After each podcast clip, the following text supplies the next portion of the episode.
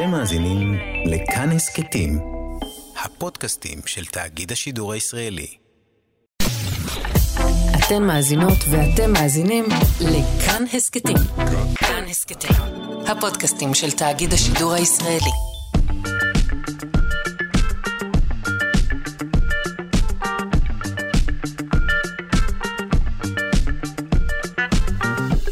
שלושה שיודעים.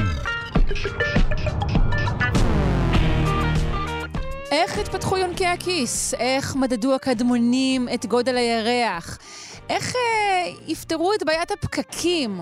ומה גרם אה, לקופים לפתח רשתות חברתיות מורכבות דווקא בתנאי קור קיצוניים, על uh, נושאים כאלו ועוד. נשוחח כאן בשעה הראשונה שלנו, שלושה שיודעים. בשעה השנייה נהיה כאן עם uh, שיחה ארוכה עם הפרופסור עמרי ונדל על אסטרוביולוגיה, אז אתם מוזמנים להישאר איתנו כאן למשך השעתיים הקרובות, שעורכת אלכס לויקר, שהפיקו טל ניסן ואניה קלזון, על הביצוע הטכני דימה קרנצוב. אני שרון קנטור, בואו נתחיל.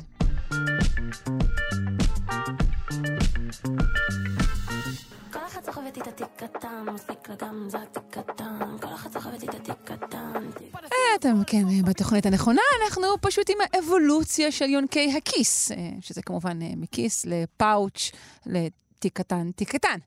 אה, על הקו נמצאת דוקטור יונת אשחר, מומחית להתנהגות בעלי חיים במכון דוידסון לחינוך מדעי. שלום. שלום, שלום, בוקר טוב. בוקר אור. אז אנחנו רוצים להכיר טוב יותר את אה, יונקי הכיס. אה, קודם כל, למה הם, הם נראים ככה כל כך חצי אפויים כשהם יוצאים? הם נראים ממש ממש עוברים. כאילו, זה, זה תמונות שם לפעמים קצת אפילו אה, אה, לא נעימות למראה. הם אה, אה, ורודים וקטנטנים, ממש ממש קטנטנים, אפילו הגורים של הקנגורים הגדולים הם אה, באורך של כמה סנטימטרים. אמ, וממש רואים שהם לא, לא מפותחים. אה, והאמת היא שהם באמת, במובן מסוים אפשר להגיד שהם קצת עוברים עדיין.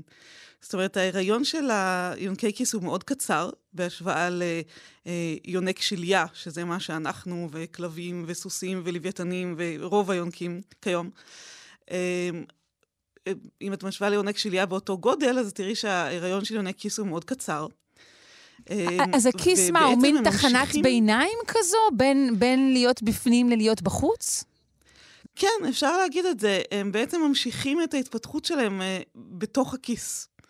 הם uh, ישר כשנולדים הם זוחלים לתוך הכיס, נצמדים לפטמה, מקבלים ממנה חלב, ושם הם בעצם עושים את חלק גדול מההתפתחות שלהם, שאצל יונק שליה הייתה אולי נעשית בתוך הרחם. מה, מה עוד נותן הכיס? מה, מה עוד נותן הכיס חוץ מגישה לפטמה?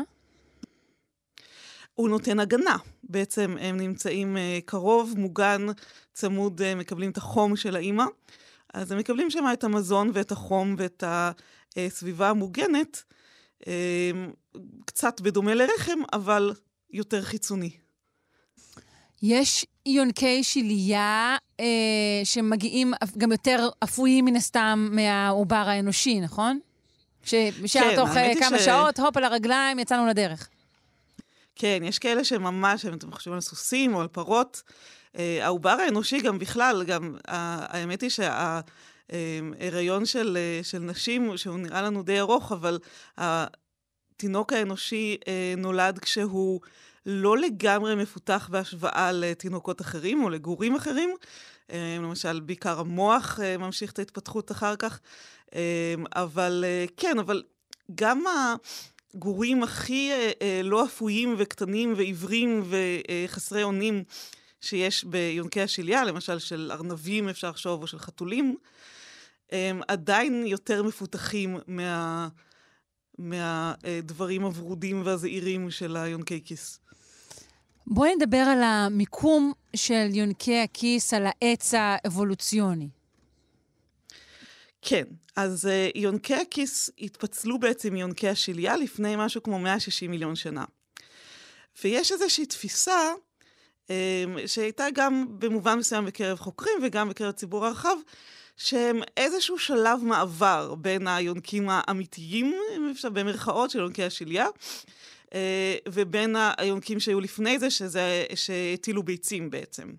אה, גם היום יש אה, מעט מאוד יונקים שעדיין מטילים ביצים, והאב הקדמון של כל היונקים, אין שום ספק שהוא הטיל ביצים. אז היו כאלה שחשבו, אולי זה עבר מלהטיל ביצים להיריון קצר וכיס, ואז ליונקי שליה. אמ, והתייחסו ליונקי כיס בצורה שהם כאילו היותר פרימיטיביים, הפחות מתקדמים מהיונקי שליה. שזה באופן כללי לא דרך נכונה כל כך לחשוב על איך האבולוציה עובדת, כי בסופו של דבר לכל מין שחי כיום יש את אותה, אותו אה, אה, אורך של היסטוריה אבולוציונית. זאת אומרת, mm. זה לא שמישהו אה, אה, בא אחרי מישהו אחר. אנחנו כן יכולים לשאול מי היה יותר קרוב למצב של האב הקדמון. אוקיי. Okay. למשל, אנחנו אה, אה, חושבים שהאב הקדמון של השימפנזה והאדם אולי נראה יותר והתנהג יותר כמו שימפנזה מאשר כמו אדם. זה לא אומר שהשימפנזה היום היא פרימיטיבית יותר. שימפנזה, יש לה בדיוק את אותה, השושלת שלה התפתחה והשתנתה בזמן שהשושלת שלנו התפתחה והשתנתה מאז שנפרדנו. אבל, אבל זה כן יכול לומר שהיא השתנתה פחות? פחות? זהו, אוקיי. כן. Mm-hmm. כנראה שהם השתנו פחות. אמ, אז התפיסה הייתה, הרבה חשבו שבאמת היונקי הכיס היו אלה שקרובים יותר ל, אמ, למצב שהיה אצל האב הקדמון. אבל מסתבר שגם זה לא נכון. אה, נראה שזה לא נכון. יש, יש כל מיני עדויות מכל מיני אה, אמ, מקורות ש, ש, אומרות שכנראה זה לא נכון, ובמחקר שממש התפרסם לאחרונה, הם בעצם בדקו את הצורה של ההתפתחות של הגולגולת. התפתחות בזמן העוברי ובזמן הינקות, ממש אחרי הלידה או ההמלטה. והם ראו שהם הצליחו בעצם לשחזר, ועל ידי זה שהם בדקו 22 מינים שונים, את המצב אצל האב הקדמון, והם ראו שהיונקי השליה בעצם השתנו יותר. הדרך ההתפתחות שלהם היא שונה יותר מזאת, היא שונה מזו של, של האב הקדמון המשותף ליונקי הכיס ויונקי השליה, אה, יותר מזה של יונקי השליה. יונקי השליה קרובים יותר למצב של האב הקדמון. אה, דווקא יונקי השליה, שוב, אם אנחנו אומרים פרימיטיבי במרכאות, בתור כינוי לקרוב יותר לאב הקדמון, אז דווקא יונקי השליה דומים יותר. כנראה שכן. זה mm. המסקנה שלהם מזה.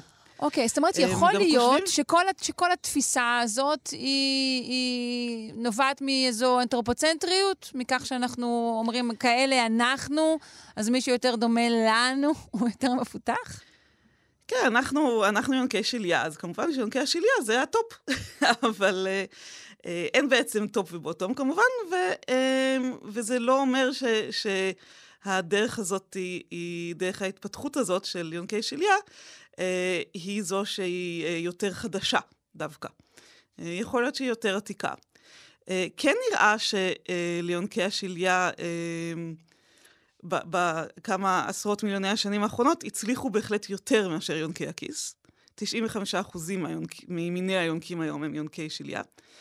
אה, ויש לזה הרבה סיבות שחלקן יכולות להיות פשוט אה, סוג של תאונות היסטוריות.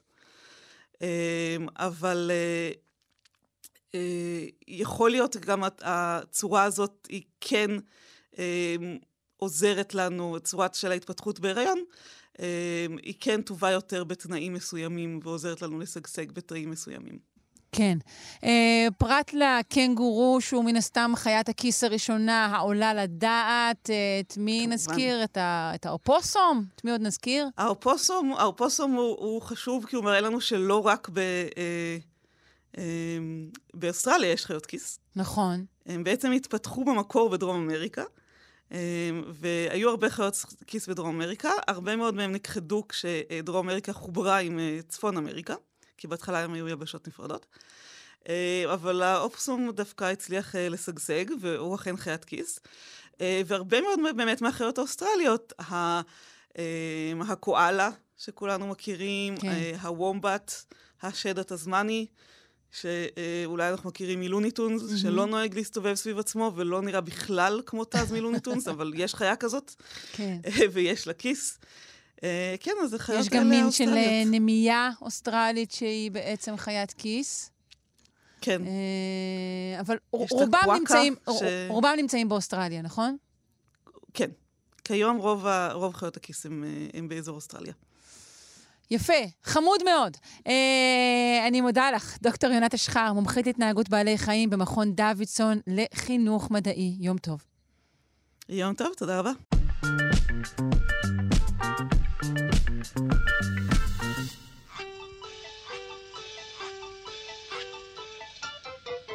בחשבון זה נכון, אי אפשר לרפרף. בחשבון זה נכון, אי אפשר לצפצף. בחשבון זה נכון, אפשר לזייף. אך מי אמר שבחשבון אי אפשר לקיים? אנחנו עם פינת המתמטיקה של מיכאל גורודין, ממכון דוידסון, הזרוע החינוכית של מכון ויצמן למדע. שלום. שלום, שלום. אנחנו רוצים אה, לדבר על הירח, ליתר דיוק על אה, חישוב גודלו. האם אתה עומד אה, להציע לי הרמת אגודל? לא, לא, לא, חלילה, מה... מה? יש פה... אה, ז- ז- זו תשובה מאוד, זה רעיון מאוד טוב ומאוד לא טוב בבת אחת. כי אה, עניין הרמת האגודל נותן לנו מין גודל יחסי כזה, כן? הירח הוא בערך ככה עם האגודל שלנו. זה היה יכול לעבוד מצוין, אילו רק היינו יודעים את המרחק לירח. אז היינו יכולים לעשות מין חישוב כזה, במרחק כזה, העצם הזה צריך להיות בערך בגודל של האגודל. רצה הגורל, ומסתבר שזה בדיוק הפוך. שאת המרחק דווקא הצליחו לחשב בערך בשיטת האגודל, אחרי שהצליחו להבין פחות או יותר את הגודל של הכדור גבינה החללי הזה שמקיף אותנו. אוקיי, כבר הקדמונים ניסו להבין את גודלו, אני מניחה. כן, זאת שאלה שמטרידה, זאת אומרת, את יודעת, את מסתכלת לשמיים, את רואה דבר אה, גדול אה, מרחף, ויפהפה. יפהפה ומלא מיתוסים ואמונות והכול, ובניגוד לשמש, ששם הייתה את השאלה של כן מסתובב, לא מסתובב, לגבי הירח אין, אין, אין פה ספק, הדבר הזה מסתובב מסביב לכדור הארץ מקיף אותנו, אז שאלת הגודל של זה היא קצת מטרידה, זאת אומרת, אם זה מאוד מאוד גדול, אז אני לא יודע, אולי זה מפחיד שזה מרחף ככה אה, מעלינו. ולכן גם הקדמונים מעידנים קדומים רצו לדעת מה בעצם הגודל של הדבר הזה שם בשמיים. אוקיי, ואיך הם אה, חישבו זאת? אז אה, כמו בהרבה מקרים, התשובה אה, הייתה אצל אחד יווני, אה, אריסטרכוס, אה, שמו, אריסטרכוס מסמוס, מהאי סמוס, אה, איפשהו בסביבות אה, פלוס מינוס 300 לפני הספירה. זאת אומרת, אנחנו מדברים ממש ממש ממש ממש ממש מזמן. והטריק שהוא השתמש בו אה, היה כזה. אה, בתקופתו כבר הצליחו להעריך, גם באמצעות כמה טריקים מתוחכמים, שיותר קשה להסביר אותם אה, רדיופונית, כי הם דורשים קצת ציורים, את גודלו של כדור הארץ. את זה כבר ידעו. בדיוק, אגב, מפתיע אה, בדיוקו ביחס לתקופה. דווקא אה, הצליחו לה- לדעת מה פחות או יותר הגודל של כדור, של כדור הארץ. ואז אריסטרכוס שם לב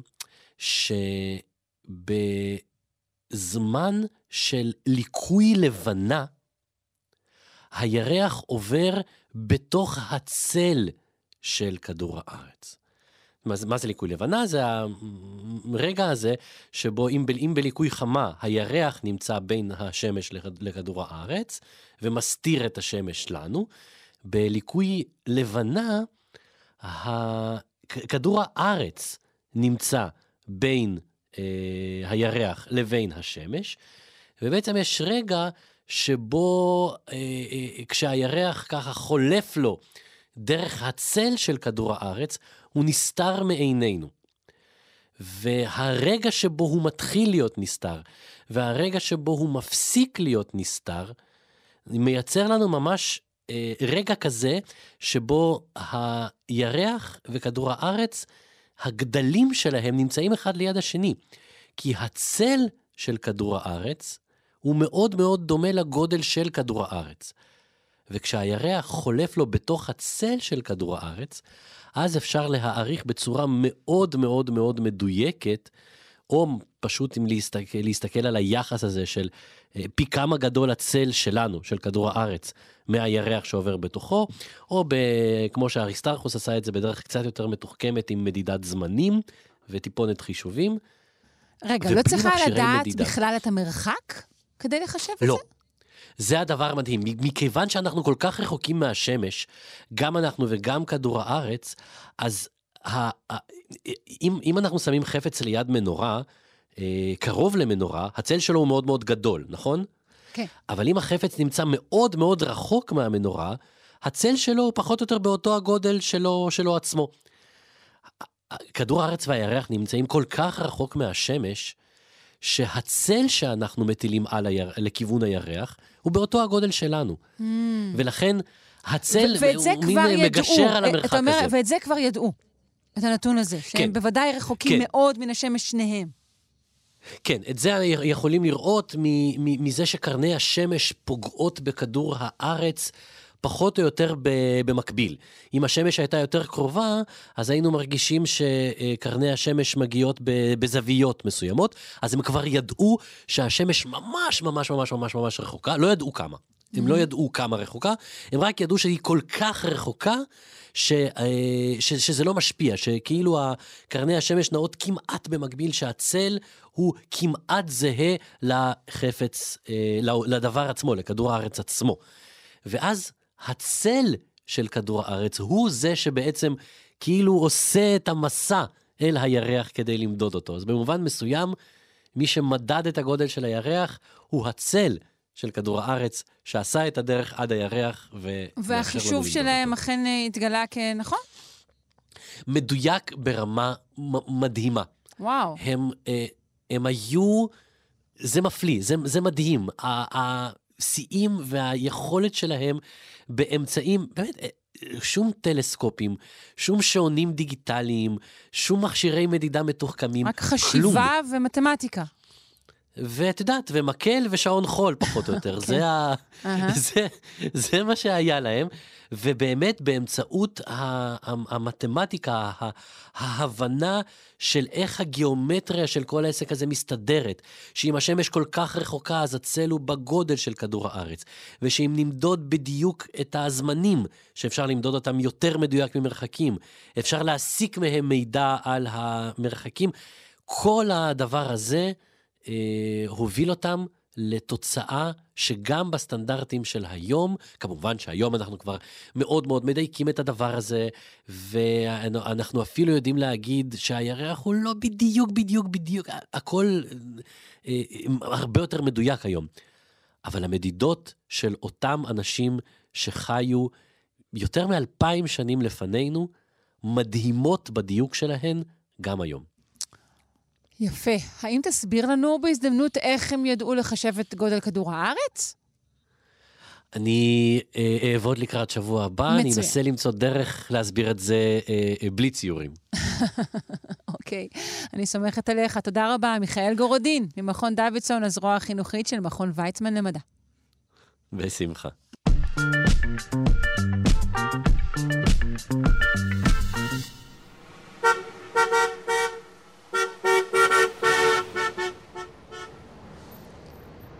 האם אה, זהו הפתרון לבעיית הפקקים, או שפשוט יהיו לא רק פקקים, אלא גם זמזום בלתי נסבל בשמיים כל היום? אנחנו מדברים אה, על מונית אווירית אוטונומית. אה, ניסוי כזה אה, נוסע לראשונה בישראל. נפנה לדניאלה פרטם, מנהלת המרכז לרגולציה לטכנולוגיות חדשניות ברשות החדשנות. שלום. היי, בוקר טוב. היי. אה, קודם כל, בואי נדבר על הניסוי. האם אכן הייתה באוויר מונית? לא. אה, אז אכן הייתה, אכן היה באוויר אה, כלי טיס. לי, אוקיי, אבל טיס. כל- כלי כזה, מה, רחפן שמוביל סנדוויץ' במקרה הטוב, לא? אז אה, היו גם הרבה כאלה באוויר אה, בשנים האחרונות במסגרת אה, המיזם שאנחנו מובילים. אה, רשות החדשנות אה, רשות תעופה אזרחית, אה, נתיבי אלון ומשרד התחבורה. אבל אכן שבוע שעבר, לראשונה בישראל, טס באוויר, מה שאומר זה שכלי טיס, זה, תדמיינו מכונית, אוקיי? מעופפת, עם פרופלורים, כן. שהמריאה אנכית, ויש לה שני מקומות ישיבה. רגע, בשמי ישראל עופפה בשבוע שעבר מכונית בגודל של שני מקומות ישיבה? בשמי ישראל, באזור קיסריה וגם באזור הדרום, אה, טסנו כלי טיס אה, שאפשר לשבת בהם. אה, אז הם המריאו אמנם ללא כבודה וללא אנשים, אבל הם המריאו בשמיים ועשו סיבוב מעל שמי ישראל, ומי שמעוניין יכול גם להיכנס ולראות את זה, זה מופיע גם באתר של רשות החדשנות וגם בהרבה ערוצי תקשורת, אפשר לראות את הדבר המרגש הזה קורה. אה, בתקווה שבעתיד גם היא תוכל להטיס אה, כבודה ואנשים. מה ההבדל בין זה לבין אה, מסוק, לצורך העניין? שאלה מצוינת. אז מה שאנחנו בונים בישראל בשלוש שנים האחרונות, מאז הקמת מיזם הרחפנים הלאומי, זו מערכת אוטונומית של, שבמסגרתה כלי טיס שונים, בגדלים שונים, אז גם הרחפן הקטן שציינת שיכול לשאת שניים וחצי קילו, וגם אותה המונית אווירית, יוכלו אה, לטוס במרחב אווירי מנוהל, אה, גם מעל שטחים אורבניים וגם מעל שטחי ספר, לשימושים שונים. אז ההבדל הוא שזה, שזה מונית חשמלית, שתוכל לטוס ללא, ללא נהג או נהגת או טייס או טייסת. כלומר, מישהו יוכל להיכנס אליה ולטוס ללא טייס. איך, הוא. איך, הוא, איך הוא יגיע אל היעד ספציפית? אז המסלול מנותב מראש במערכות, uh, במערכות של הכלים. אמ, את, אה, בשביל זה יש את מערכות ניהול והבקרה של החברות שאנחנו תומכים בהן. יש כאלה שתי מערכות שפועלות אה, במסגרת הניסויים שלנו, וכל כלי הטיס שיהיו ברום הנמוך יתחברו למערכות האלה ויוכלו לטוס בצוותא. אמ, לצורך מטרות שונות, אם זה כדי להטיס אמ, אה, אולי בעתיד אמבולנס שייקח אה, חולים, אה, או, או, או רחפן שישנע את ההמבורגר הצרי הביתה, או שלקחת תרופות, או מסמכים חשובים. כלומר, יכולים להיות שימושים שונים למטרות שונות על ידי מפעילים שונים. אנחנו בשאיפה, אה, אחת המטרות המרכזיות שלנו זה לייצר מרחב אווירי בטוח, אבל תחרותי. כלומר, אנחנו רוצים שהרבה חברות יפעלו פה, לא, לא נאפשר לחברה אחת להשתלט על שמי ישראל. אה, את באמת שבסוף- רוצה שהרבה מאוד חברות ישתלטו על שמי ישראל? את רוצה אה, ריבוי של אה, רחפנים בכל מיני גדלים שיזמזמו מבוקר עד ערב בשמי ישראל? אז סוגיית הרעש היא סוגיה מאוד חשובה. מאוד אה, חשובה. ספק. אפילו קליק, אפילו הקטנים שבהם עושים רעש בלתי נסבל. אז זהו, אז השאלה היא אה, גם מיד, המידתיות, אבל אין ספק שככל שאנחנו מביאים אה, טכנולוגיות חדשות ומנסים להטמיע אותן, אז עולים אתגרים שונים, אה, ועם, אה, ובטיחות וביטחון ורעש. לא, את סתם אומרת מילים כמו להטמיע וזה, אבל בואי נדבר על הדבר בפועל. הדבר עצמו, אפילו כרגע, כשהוא עוד לא משנע אה, המבורגרים אה, ואנשים באוויר, הוא מטרד. הוא מטרד רעש אה, קשה, וגם מטרד פרטיות קשה. אז הנושא של מטרד זה עניין, שוב, סובייקטיבי. אה, זה אתגר נוסף שצריך להתמודד איתו, ואני חושבת שכל החברות שמייצרות את הרחפנים אה, מנסות לייצר אה, את הטיסות עם כמה שפחות רעש. אני כן יכולה להגיד שמניסיון שלי בניסוי שבוע שעבר ומניסיוני בניסויים אחרים, וקיימנו מעל 19,000 טיסות בשמי ישראל בשנים האחרונות, א', אפשר להגיד שאנשים פשוט לא שמו לב. כלומר, אני לא חושבת שביחס למרחב העירוני היה כזה הבדל משמעותי. ואני יכולה להגיד שאין ספק שהרעש שאני שמעתי אה, מהמונית האווירית המיוחדת הזאת היה הרבה יותר נמוך מהרעש אה, של הניסוי שעשינו במסוק כמה חודשים זה אין קודם. ספק, אבל הרי ההתכוונות היא שיהיו הרבה יותר כלי רכב כאלה. זה לא, זה לא באמת, את חושבת שזה יחליף אה, כלי רכב שייסעו על כבישים? הרי זה רק יתווסף לה- להמולה הכללית, לא? בסוף אין ספק שהעומס בכבישים רק ילך ויגדל. אה, כן. אנחנו כבר חווים את האתגרים שלו היום. אה, המטרה שלנו שזה יהווה חלופה אה, לשינוע בקרקע, כמובן. אה, אז יכול להיות שזה במסגרת הגידול, אז חלק מהגידול יעבור לשמיים, ויכול להיות שזה, נניח שתהיה סטגנציה, שחלק הגידול פשוט, שחלק, מה, שחלק מהתנועה הקרקעית תעבור לשמיים. אז זה אי אפשר לדעת ואי אפשר לצפות. אבל אה, אין ספק שזה, שזה אמור להחליף אה, שימושים שונים שעושים בקרקע, כן. עד כמה נלקחים בחשבון אה, עניינים סביבתיים מעבר לרעש, אה, למשל תנועת אה, ציפורים וחרקים? אה, אז בסוף, כמו שאמרתי, זה כלי חשמלי, אה, אז יש לו ערך סביבתי מאוד גבוה, והוא אמור להפחית אה, זיהום אוויר. וכמובן שיש גם בשמיים אתגרים, כמו שיש בקרקע, ויש יש יצורים חיים בשמיים וציפורים, וכמו שמטוסים לא רוצים להתנגש בציפורים, גם לא לטובת ה... הסביבה וגם לא לטובת הנוסעים במטוס והכלים עצמם. אה, אז גם פה אנחנו מנסים לייצר מערכת שתאתר אה, את כל הכלים אה, וה, והחיות בשמיים. ובשאיפה שככל שיהיה לנו יכולת לראות כמה שיותר עצמים, נמנע ככה התנגשויות, ולא נפריע גם לסביבת הגידול שלהם. זאת תהיה אה, אה, רשות נפרדת שתנהל את כל העניין הזה, לכשזה יאושר? אז אני יכולה להגיד שהיום זה באמת מיזם משותף, וכל גוף אה, מקדם ביחד את האינטרסים שלו, אז אם זה עולם של אה, אה, אתגרי התחבורה, ואם זה העולם הרגולטורי אה, שרשות התעופה האזרחית אמונים עליו, או פיתוח הטכנולוגיה והאקו-סיסטם ותמיכה בחברות, שזה מה שהרשות החדשנית, החדשנות מנסה לקדם. כלומר, כרגע זה באמת מיזם משותף, ואני חושבת שזה היופי אה, של המיזם הזה, שאנחנו פועלים ביחד כדי לקדם מטרה משותפת, בעלת אינטרסים שונים. כלומר, יש פה הרבה, הרבה ערך שאפשר לקבל מיצירת האקוסיסטם הזה בשמיים והחלופה אה, לשינוע קרקעי. אה, כמה, כמה רחוק אה, יכול, יכולה להגיע המונית הזו? Uh, כרגע מדברים על 30 קילומטרים, Mm-hmm. מרחק של 30 קילומטרים. אנחנו גם uh, היום עושים ניסויים בכלים שכבר יכולים לטוס למעלה מ-100 קילומטרים. הניסוי הכי רחוק שעשינו, שעשינו נתיב בצפון בין בתי חולים, זה נתיב של 29 קילומטרים. Uh, ויש לנו כלים באמת שיכולים להטיס כבר יותר, ואנחנו, ככל שמתקדמים הניסויים, הניסויים, אנחנו עושים את זה בצורה מסודרת ומבוקרת, ואנחנו מנסים להרחיב את, להרחיב, להרחיב את הטווחים ואת המשקלים, כדי שבאמת יהיה אפשר לשאת uh, מטענים בכל הסוגים. אתם תנסו את זה בקרוב עם uh, בן אדם, או משהו דמוי אדם, או משקל אדם? אז השאיפה היא באמת, ככל שהניסויים יתקדמו ותהיה יותר... המטרה, המטרה היא לעשות פה ניסוי בטוח. גם עבור הכלים שבשמיים וגם עבור הקרקע ואנשים בקרקע והבתים וכדומה. ולכן אנחנו עושים את זה בצורה מבוקרת, וכל שלב, ברגע, ש...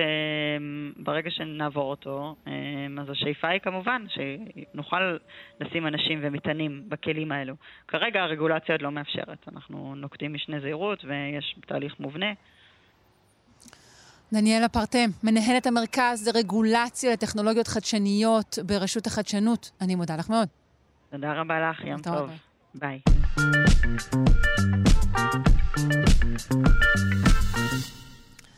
אנחנו נוטים לחשוב אולי שארצות חמות מייצרות אנשים חמים, אבל uh, מסתבר שתנאי קור קיצוניים גרמו לקופים באסיה לפתח רשתות חברתיות מורכבות. איתנו על הקו הדוקטור עמיאל אילני מהפקולטה למדעי החיים באוניברסיטת בר אילן. בוקר טוב. בוקר טוב, מה נשמע? בסדר גמור. Uh, אנחנו מדברים על מחקר חדש, שעל איזה אזור uh, בכדור הארץ הוא עוסק? המחקר עוסק בקבוצת קופים בדרום-מזרח אסיה. ומה הטמפרטורות האלה הם נחשפו ומה גילו עליהם? לא, אז הקופים האלה נקראים קולובים או colobines באנגלית, ולקבוצה של קופים שבעצם יצאו במקור מאפריקה, יש להם קרובים באפריקה, וכשהם יצאו משם והתפשטו קצת ביבשת אסיה אה, במשך כמה מיליוני שנים, הם נחשפו לסביבות שונות. חלקם הגיעו לאזורים חמים יותר, למשל בתת היבשת ההודית, וחלקם היו באזורים קרים ואזורים גבוהים, אה, באזורים שלא רחוקים מההימאליה. מה, מה המבנה החברתי אה, של הקבוצה הזו, של המין הזה? אוקיי, אז אולי אני אתן פה קצת רקע למה מבנה חברתי זה חשוב. בתור אחד ש, שעוסק בזה מעצמו, ורק להדגיש, אני לא הייתי מעורב במחקר שעליו אנחנו מדברים. נכון, אתה רק הסכמת אז... לשוחח איתנו ואנחנו מודים לך. כן, אז, אז מבנים חברתיים אה, קובעים המון. אה, בעצם אני עוסק במחקר של רשתות חברתיות, וכל אחד מאיתנו שחי פה בתקופת הקורונה יודע שהקשרים החברתיים שלנו הם אלה שעלולים להדביק אותנו במחלות, וקשרים חברתיים משפיעים בחיות על ההצלחה ברבייה, על, על uh, הישרדות, ואגב גם בבני אדם יש מחקר מאוד מקיף שסקר שורה של מחקרים שהראה שהקשרים החברתיים שלנו ממש חשובים לאורך החיים שלנו. זאת אומרת, קשרים חברתיים זה נורא חשוב, ואנחנו נוטים לפעמים קצת להדחיק את זה, ונוטים להגיד לנו להתרכז בלא לעשן ולהימנע מאלכוהול ולקחת כל מיני תרופות. חברתיות זה נורא חשוב, וגם רואים את זה בקבוצות של בני אדם שמגיעים לגילאים מופלגים. לגמרי, הרבה פעמים מחקרים נוטים לבודד אלמנט אחד, באמת כמו שאמרת, אלכוהול זה לא בריא, אבל שוכחים שאלכוהול לעיתים מגיע גם עם בר וגם עם חברים, אז זה ללא ספק. כן, אז uh, תשקיעו בקשרים חברתיים, ובכל מקרה, uh, ואז נשאלת השאלה, למה בטבע אנחנו רואים כזה מגוון של מג... uh, גדול של מבנים חברתיים? אנחנו רואים uh, הרבה חיות שחיות לבד לחלוטין, שנפגשות כמעט רק בשביל להזדווג למשל, uh, וחיות אחרות שחיות בקבוצות מאוד גדולות, בעדרים ענקיים. ונשאלת השאלה, מה גורם למגוון הזה? אז, אז הרבה שנים התיאוריה השלטת בתחום הזה אה, הייתה תיאוריה מה שנקרא סוציו-אקולוגית, שאמרה שזה בעיקר הסביבה. זאת אומרת שלמשל מינים שחיים, ש, שהדיאטה שלהם כוללת פירות, שזה משהו יחסית נדיר, שאי אפשר, עדר לא יכול לבוא ולאכול אה, הרבה פירות, אז הם בדרך כלל חיים בצורה יותר יחידאית. ועדרים גדולים של זברות למשל, או של גנויים שצריכים הגנה ומצד שני יכולים להתחלק בעשב בסוואנה, חיים בקבוצות גדולות. אז המודל האקולוגי טוען שהסביבה היא מה שקובעת, אבל הוא נתקל בבעיה. לפעמים אנחנו רואים מינים די קרובים, למשל אה, מינים, אה, שני מינים של קופים, או יותר משני מינים, שחיים באותו יער, ויש להם מבנים חברתיים מאוד שונים. ואז נשאלת השאלה... מה, רגע, מה הסיבה אם, לכך? בדיוק, אם הסביבה קובעת, אז איך אנחנו רואים גם אה, מבנה חברתי כזה, למשל אה, אורנגוטן שחי רוב הזמן לבד, וגם קופים שחיים בקבוצות גדולות. כן, וזה נכון לקבוצות שונות של מינים, לא רק לפרימטים. כן. אה, ופה המחקר הזה מציע אה, כיוון חשוב ומעניין. הוא לא ממש הראשון שמציע את זה, אבל הוא מראה את זה בדרך מאוד יפה ומקיפה, ובעצם אומר, זה לא רק הסביבה, זה לא רק האקולוגיה, זה לא רק המצב הנוכחי, זה גם האבולוציה. בעצם אומר, חלק מהקופים האלה, הם התפצלו לפני כמה מיליוני שנים, עברו ספציאציה, זאת אומרת היווצרות של מינים חדשים, מינים שנחשפו לסביבות קרות, אה, עברו מהמצב הראשוני של הקבוצה הזאת, שבו מבחינה חברתית בדרך כלל זכר חי במה שנקרא הרמון או הרם באנגלית עם כמה נקבות, למצבים אה, יותר מורכבים חברתית. למשל, קבוצות שבהם עדיין יש זכר וכמה נקבות, אבל הקבוצות האלה, יש להן עוד איזושהי שכבה שהן אה, מתקבצות יחד בחלק מהזמן. למשל, ישנות יחד, מחפשות מזון יחד, mm-hmm. והדברים האלה, המבנה החברתי הזה יכול להיות יותר מתאים לסביבות קרות שבהם אה, זהו, בוא, בוא נסביר מה הקשר בעצם בין קור לבין מבנים חברתיים מורכבים יותר כאלו. כן, במקרה הזה הקור אה, נראה שהוא גרם לאדפטציה שהם מראים אותה במאמר גם ברמה הגנומית, לאדפטציה, כלומר לשורה של התאמות גנטיות שהקופים האלה פיתחו גם כדי להתמודד פיזיולוגית עם הקור מבחינת מטאבוליזם, וגם, אה, מה שמעניין, במקביל, התאמות שקשורות להורמונים שקשורים לטיפול אימהי, וליחסים חברתיים ולהורמונים אוקסיטוצין ודופמין. אז, אז הקופים האלה עברו את ההתאמות האלה במקביל, ו, והתפתחו מינים שהם גם חברתיים יותר, שיש להם מבנים חברתיים יותר מורכבים, והם גם מתאימים יותר מבחינה פיזיולוגית לסביבות קרות. והדברים האלה התפתחו גם בתקופות אה, קרח, שאפשרו לקופים האלה להגיע ל... אה, היו אז גשרים יבשתיים, בעצם מפלס פני הים היה יותר נמוך, והקופים האלה יכלו להגיע למקומות שהיום הם איים, למשל איים באינדונזיה. ואז... אבל, אבל מה הקשר בעצם בין הקור לבין אה, אה, אוקסיטוצין, טיפול אחר בצאצאים, אה, וגם לדברים של עיכול? בעצם לעיכול אני יכולה להבין, כי אם התזונה היא שונה, אבל איך זה קשור לטיפול בצאצאים? אז, אז הטענה במאמר היא שבסביבה קרה יש אה, צורך בטריטוריה יותר גדולה כדי לספק את אה, צורכי המזון.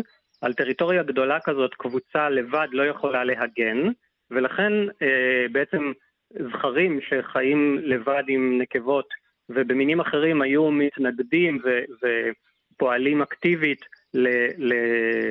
להילחם בזכרים אחרים ובקבוצות אחרות, כאן הם עברו אדפטציה להיות יותר טולרנטיים, להיות יותר סובלניים, וזה בעצם הגדיל את, את רמת החברותיות של המינים האלה. אוקיי, okay, אמרת שהם אה, בחנו את הדבר הזה גם אה, מבחינה גנטית, אה, את השינויים הללו. איך זה נעשה בעצם?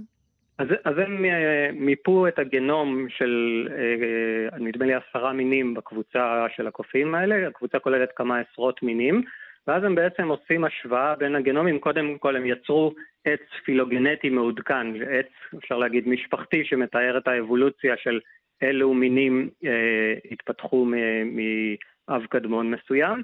הם מראים שבעצם המינים האלה התפצלו לשתי קבוצות של מינים, אחת שנשארה במבנה החברתי היותר קדמון, מבנה של זכר עם כמה נקבות, ואלה הקבוצות שבדרך כלל חיות באזורים חמים יותר, ואחת שהגיעה לאזורים קרים יותר, ואצלה התפתחו מבנים חברתיים יותר אה, מורכבים. ואז יש דרכים אה, אה, של אנליזה של הגנום שמאפשרות לראות איזה גנים אה, בעצם התפתחו לעומת המינים היותר אה, קדומים. וכאן רואים את האדפטציות לסביבות קרות ואת האדפטציות של ההורמונים של אה, אה, מאפשרות בעצם אה, חברתיות ברמה יותר גבוהה. כן, אבל עדיין גם באותה סביבה יכולים להיות מינים עם אה, מבנים חברתיים שונים, נכון? כן, אז זה מעניין. אז, אז אנחנו מגיעים בעצם לשאלה למה באותה סביבה אנחנו רואים מינים במבנים חברתיים שונים. ובעצם אני חושב שמה שקורה זה שכיום חלק מהמינים שהתפתחו בסביבות קרות ויש להם מבנים חברתיים יותר מורכבים, הגיעו גם לסביבות אחרות. וזה בעצם מראה שאולי הסלקציה בסביבות מסוימות היום על מבנה חברתי יותר חלשה, ומאפשרת לכמה אה, סוגים של מבנים חברתיים, למבנים חברתיים שונים, להתקיים באותו זמן. בעיניי זה קצת, אה, קודם כל נסתכל קצת יותר בגדול, זה מראה את המשחק התמידי בין אבולוציה לאקולוגיה. האקולוגיה היא התנאים הנוכחיים. כן, אז אני היום אולי חם ואני לובש חולצה קצרה כדי להתאים את עצמי. אבל הבגדים שאני לובש הם גם תוצאה של מסורת מסוימת, כן? הבגדים שאני רגיל ללבוש, בגדים שאני רגיל לחיות בסביבה שלי.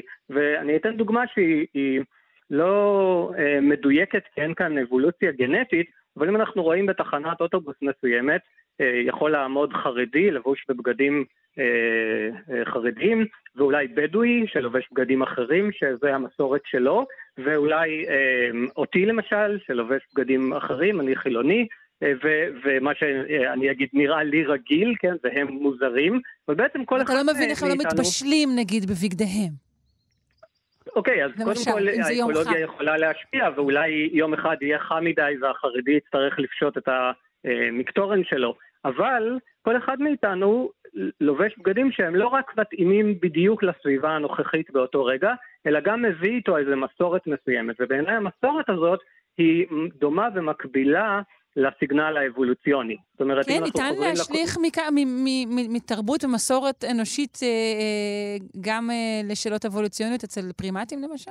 אני עושה כאן הדגמה כדי, כדי להראות, אני חושב, את, ה, את הרעיון שהאבולוציה יכולה להסביר חלק ממה שאנחנו רואים היום, ואי אפשר להסביר את זה רק בעזרת התנאים הסביבתיים. Okay? אוקיי? אז בעיניי המסורת שכל אחד, אני עושה את ההשלכה ההפוכה, כן, ממה שאת הצעת, mm-hmm. המסורת שכל אחד מאיתנו מביא איתו מנהגים מסוימים, הם, הם במידה מסוימת הסיגנל האבולוציוני שלנו, כן? מה שאנחנו מביאים מהעבר. ולפעמים אנחנו צריכים לשנות הרגלים, כי מה שהבאנו מהעבר כבר לא מתאים לסביבה מסוימת, לפעמים אנחנו מתעקשים על הרגלים, אוקיי? ואז זה מקביל לעובדה שאנחנו רואים מינים במבנים חברתיים שונים, שכל אחד מהם מתפתח בסביבה אחרת, ויכול להיות שכיום חלקם חיים באותה סביבה. אני מבינה, מרתק. אני ממש מודה לך על השיחה הזו. דוקטור עמיאל אילני מהפקולטה למדעי החיים באוניברסיטת בר אילן. תודה. תודה לך, להתראות. להתראות.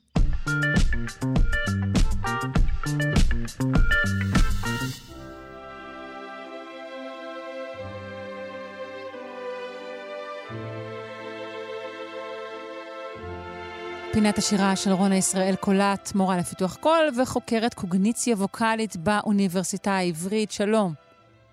בוקר טוב. בוקר אור, מה הבאת לנו היום?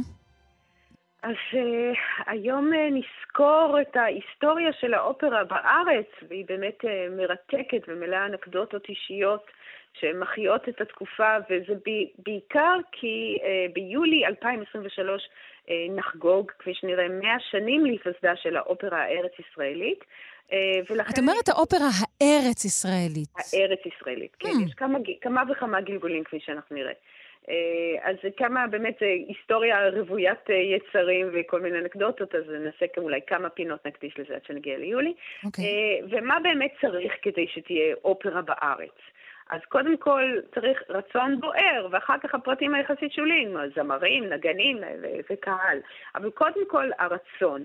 ובאמת אה, בתוכנית אה, המצוינת של דן אלמגור משנות ה-60 וה-70, אה, לא שרתי לך ארצי, הוא טוען שכבר ב-1900 היה מלחין גרמני בשם לנץ, שרצה להקים אופרה בארץ. אז לא הצלחתי למצוא עוד עדויות מצליבות, אם מישהו יודע, אני אשמח לשמוע על זה, אבל מתוך זה עולה שתוך כדי ההתמודדות עם מלאריה וביצות והסתגלות בסיסית לתנאי הארץ, עוד לפני שהחליטו איזו שפה בכלל לדבר בארץ, הם כבר רצו אופרה. וזה מראה, אני חושבת, יותר מכל על הדואליות העמוקה של העולים ממדינות אה, אירופה ללבנט. כי אופרה יותר מהתוכן המוזיקלי היא סימבול לפאר של התרבות המערבית. בכל עיר אירופית שאת תלכי אליה, שמכבדת את עצמה, יש כנסייה מפוארת ובית אופרה מפואר. ושני המוסדות האלה הם, הם מקום ההתכנסות הציבוריים הכי חשובים, והפאר וההדר מלמד שאנחנו בני תרבות. ואופרה עוד יותר מתיאטרון וכנסייה, כי צריך מיומנות גבוהה שנרכשת על ידי אה, שנים של אימונים. כדי לנגן ולשיר בסטנדרט של האיכות, שהוא מעבר ליכולת הבסיסית של האדם הממוצע, וזה מלמד שאתה כבר לא פרא, אלא אציל. כן, ש- שלא תיתכן תרבות בעצם אה, אה, במאה ה-20, שעליה אנחנו מדברים, בלי אה, אופרה ראויה לשמה. נכון, זה לא, לא ייתכן שאנחנו נבנה פה תרבות מסוימת בלי הכתר הזה, בלי אופרה. אז באמת לעולים ארצה בסוף המאה ה-19 יש באמת את הכמיהה הידועה של כל בני המאה ה-19 לאוריינט, לחופש, ליצרי, לפראי, לשורשי, וזה לא רק כי הם צריכים להמציא כאן תרבות ישראלית יש מאין, אלא כי הם באמת אה, אה רוצים אה, אה, לחוות אה, את האוריינט שמגולם כאן בארץ על ידי הערבי או התימני, אז מצד אחד יש את הרצון להידמות אליהם, להיקסם מהם, ומצד שני הרצון העז אה, להיבדל מהם, את הבהלה מכל האוריינט הזה, מהלבוש החופשי והלא מעונב, מהאוכל, מה... ומסגנון השירה, שהוא בוודאי הוא נשמע לא, לאוזן האירופית גרוני ומחוספס, שמצד אחד אתה יכול להיקסם מזה, אבל אתה לא באמת רוצה להיות את זה.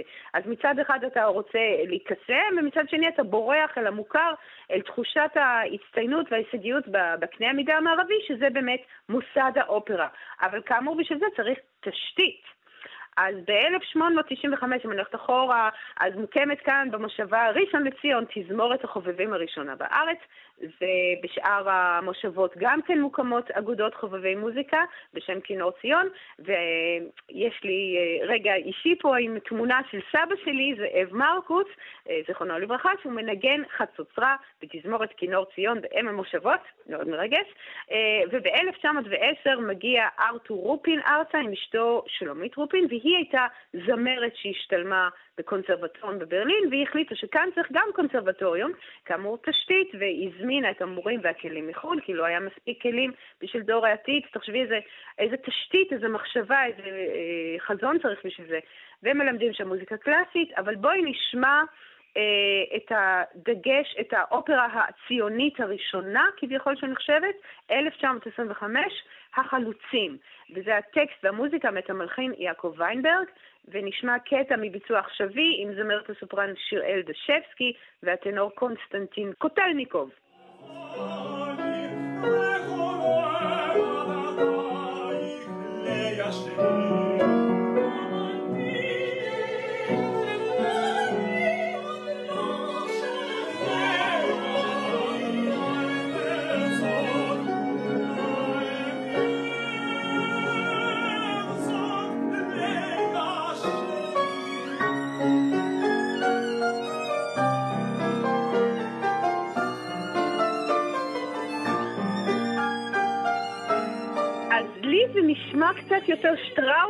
מתימן נכון. והאוריינט. את שומעת פה הרבה אוריינט?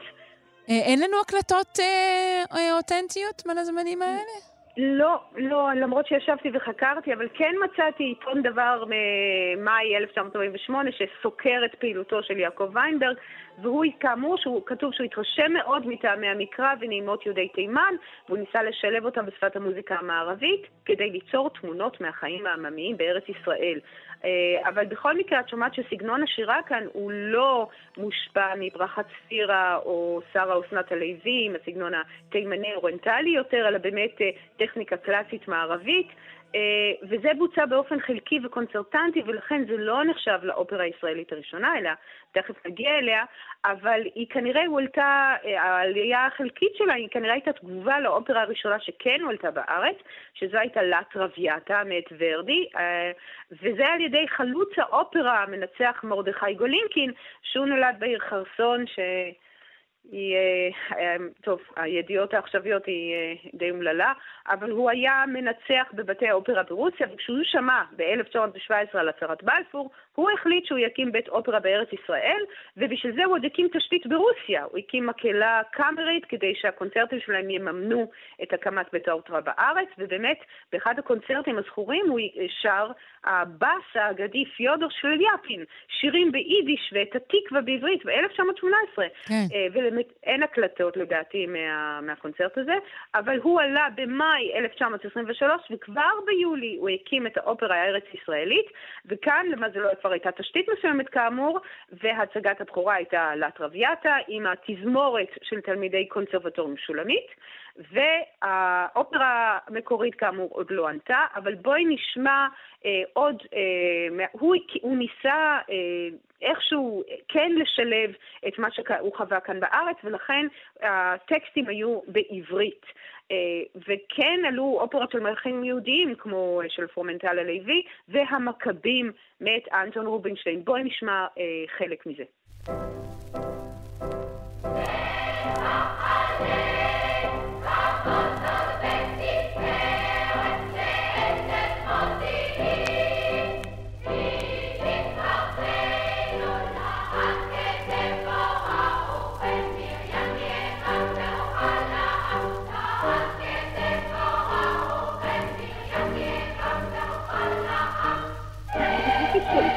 שהמקהלה מאוד מאוד צעירה, זו באמת, מקל... שומעים כאן הקלטה של אה, מקהלת מכללת לוינסקי, זו כן. הקלטת רדיו מארכיון הספרייה. אה, אה, לא היה- לא היה לנו בית אופרה, אבל איפה האופרות האלו הוצגו? או, מצוין. לא היה בית אופרה, הם נאלצו להופיע בבתי אה, קולנוע, אה, אבל אה, את הזמרים גם הביאו מחו"ל, והצגות האופרה היו יום חג ביישוב, ביאליק וצ'רניחובסקי, כולם עודדו את זה והיו חברים בוועד למען בניין האופרה, והם באמת עודדו את העניין ששרו בעברית, והתרגומים הם אה, אה, נעשו בעיקר על ידי אחד הנגנים, אה, מאיר פרייטמן, אבל חלק מהטקסט אה, של המכבים היה של אה, שאול שריחובסקי, הכו בתוף, הכו בתוף. אה, במטלטיים, במטלטיים, הו, רון הוא רון, רון הוא רון, אה, ימין אלוהינו תרעת צצר, ימין אלוהינו מגן עד... בקיצור, זה היה קשה קצת לשיר את זה, אבל אה, העיקר שזה היה בעברית, כי שום דבר עברי אחר לא היה בזה, זה לא היה אופרה ישראלית ששיקפה את חיי החלוצים, כמו שוויינברג ניסה לעשות. Mm-hmm. אז בעיקר הוועד של בניין האופרה ניסה באמת להקים בית אופרה, ובאמת הזמרים, לא, לא היה מספיק זמרי אופרה כאן בארץ, אבל הם, זה היה כאמור אירוע גדול. וכן, מה שכן נשאר לבנטיני עוד, זה שהקהל לא ידע שהוא צריך להגיע בזמן, וגולינקין התלונן שהם הרעישו כשהם נאלצו לעמוד במסדרון והפריעו את הסדר הטוב. כי כמו שצריך. לא הכניסו אותם פנימה מרגע שאיחרו, כמובן. נכון, נכון. הם כנראה, אפשר להיות מערבי, פאר מערבי, אבל עם גישה מאוד לבנטינית, שאתה בא מתי שמתחשק לך. אז האופרה הזו, הארץ-ישראלית, הפסיק את הפעילות ב-1940, גם בגלל המאורעות, מאורעות תרפ"ט והלאה, שאחריהם הרבה זמרים עזבו את הארץ, אבל בעיקר בגלל קשיים כלכליים, וב-1941 המלחין והמנצח מרק לברי ועם השותף שלו גיאורג זינגר המשיכו את החלום של האופרה והם הקימו קואופרטיב סוציאליסטי שנקרא האופרה הארץ-ישראלית העממית, והיו שם מנצחים וסולנים ו-36 נגני תזמורת ורקדניות ועובדים טכניים, כולם בקואופרטיב. והגולינקין כן אה, ניצח שם, אבל הוא היה מנצח של גבוד, הוא לא היה חלק מהקואופרטיב. אז בואי נשמע אחת מהזמרות המקומיות הידועות ששרו באופרה. אנחנו רק, אה, אנחנו מבטיחים שנמשיך עוד בעוד אה, פינות על אופרה, נכון? בהמשך. כן, אם לא, אם לא נספיק לשמוע את דן השומר, אז בואי נסיים עם יוסף כן, השומר. אנחנו נסיים עם זה הפעם, ונמשיך בפעם הבאה. תודה רבה לך, רונה ישראל.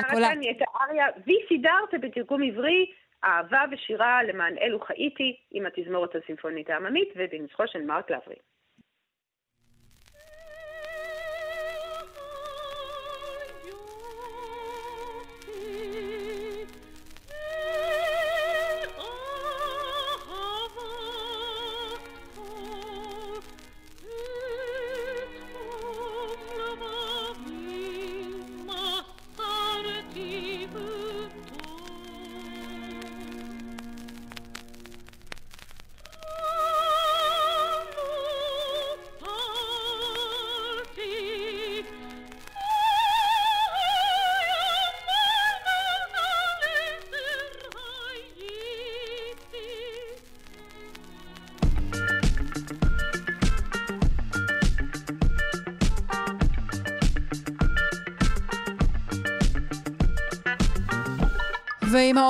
האופרה הארץ-ישראלית סיימנו את השעה הראשונה שלנו. אה, בשעה השנייה יתארח כאן הפרופסור עמרי ונדל אה, לשיחה אה, שכולה חיפוש אחר החיים ברחבי היקום.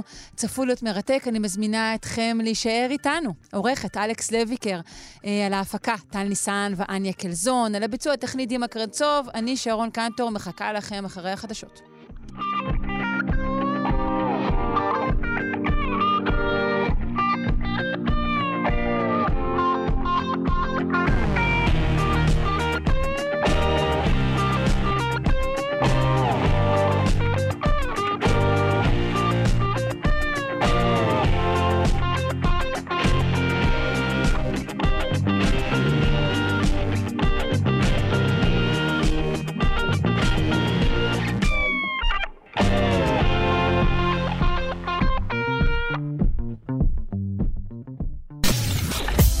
אתן מאזינות ואתם מאזינים לכאן הסכתים. כאן הסכתים, הפודקאסטים של תאגיד השידור הישראלי.